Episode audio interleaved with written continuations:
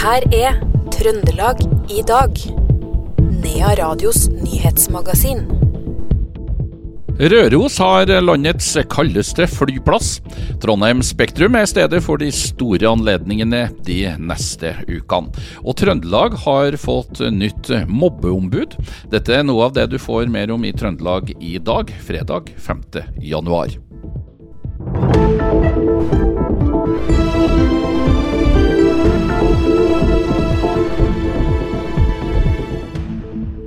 Men vi starter i Trondheim, der kommunen må kutte kostnader med 350 millioner kroner i år. Det skriver Adresseavisen.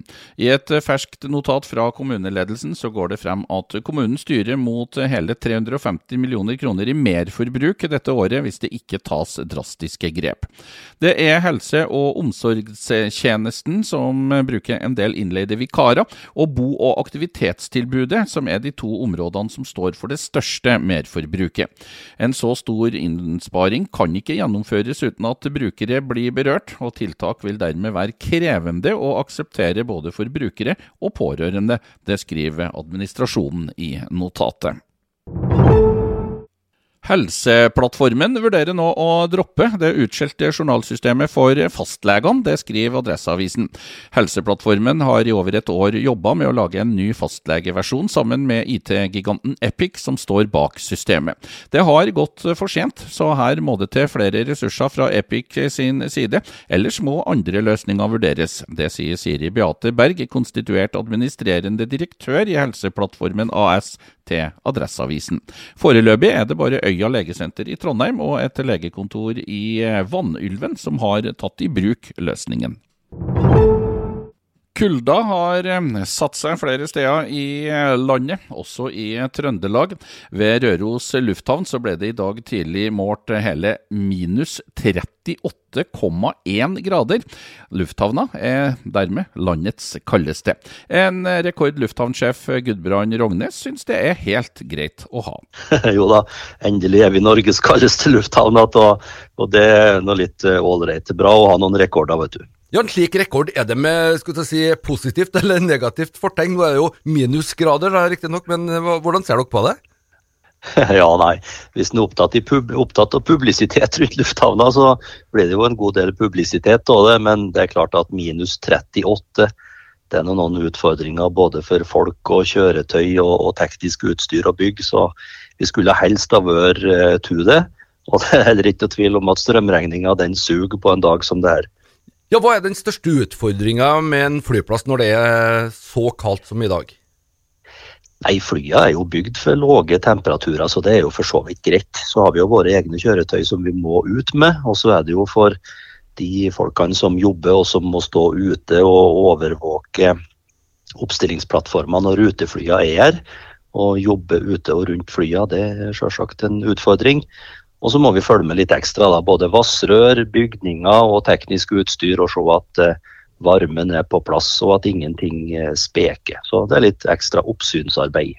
Ja, Det sa lufthavnsjef ved Røros lufthavn Gudbrand Rognes.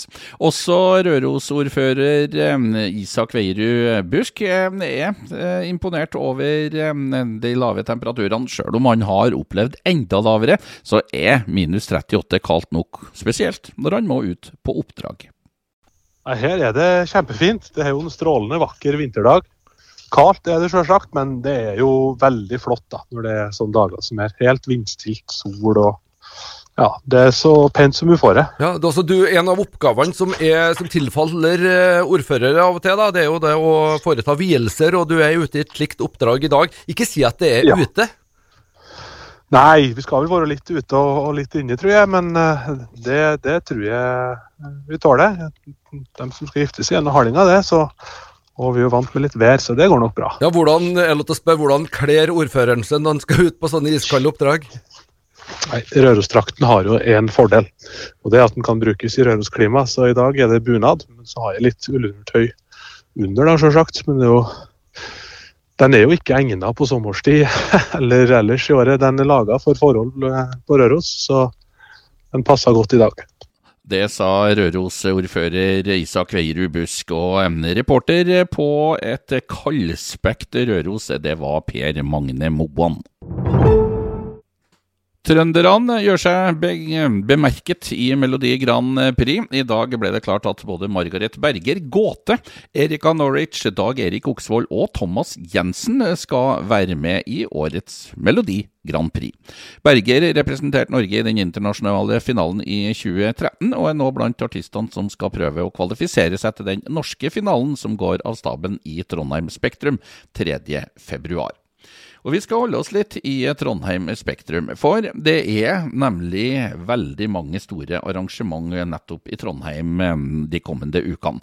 Til helga går den direktesendte Idrettsgallaen av staben, og flere store arrangement er venta de neste ukene.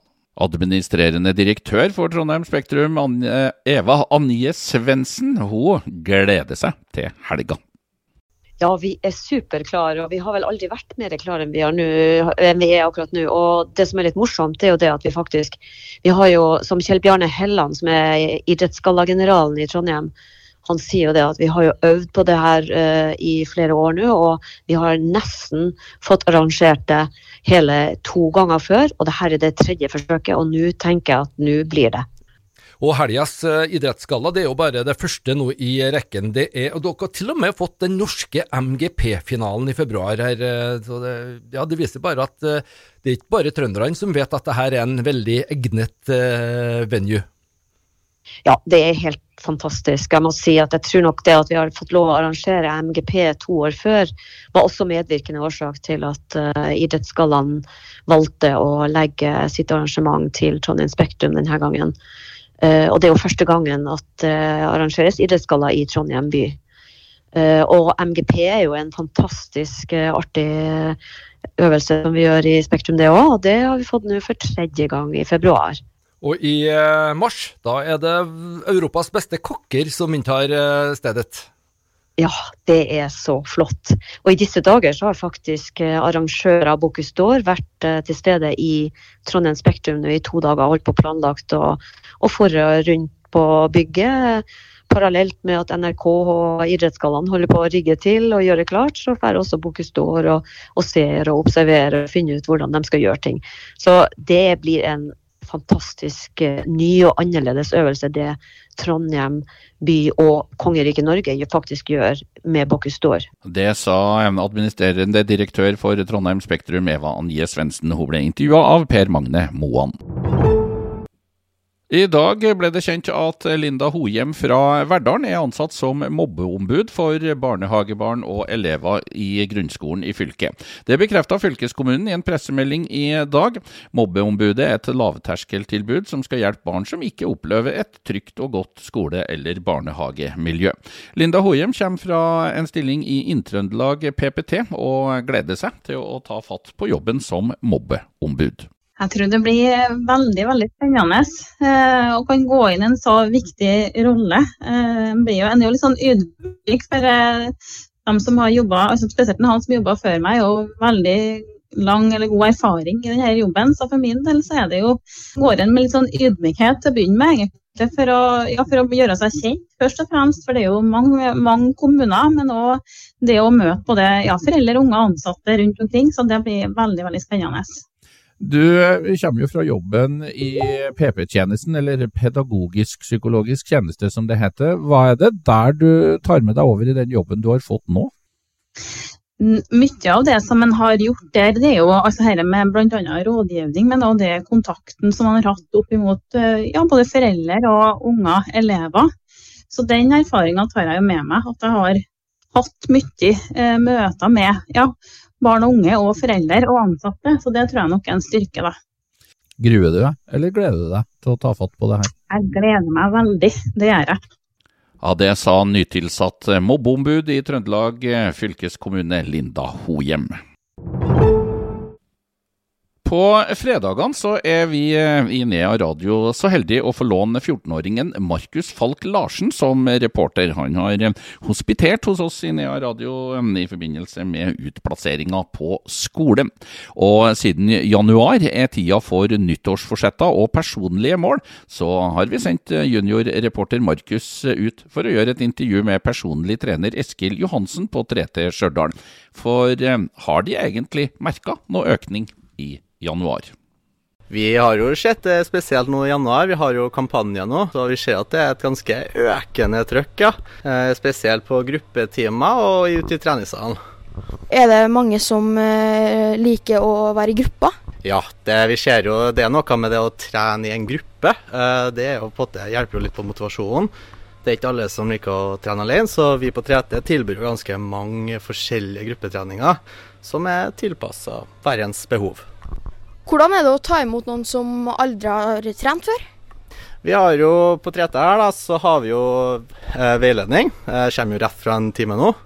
Eh, og det er vi, så når de melder seg inn, så får de tilbud å ha en eh, gratis veiledningstime med en personlig trener, da, som på at instruerer dem litt på forskjellige apparater og øvelser, og snakker litt om gruppetimene. da.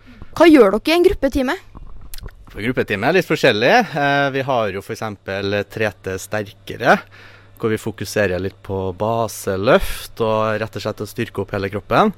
Eh, så har vi også yoga.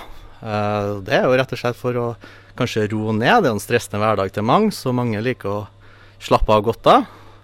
Og så har vi alt fra dans og litt forskjellig, rett og slett. Og spinning. Ja, Det sa personlig trener på 3T Stjørdal, Eskil Johansen. Han ble intervjua av Nea Radios juniorreporter Markus Falk Andersen. Det var alt vi rakk det i Trøndelag i dag, fredag 5. januar. Husk at du også kan høre Trøndelag i dag som podkast, der du finner dine favorittpodkaster. I studio denne fredagen, Knut Inge Skjem.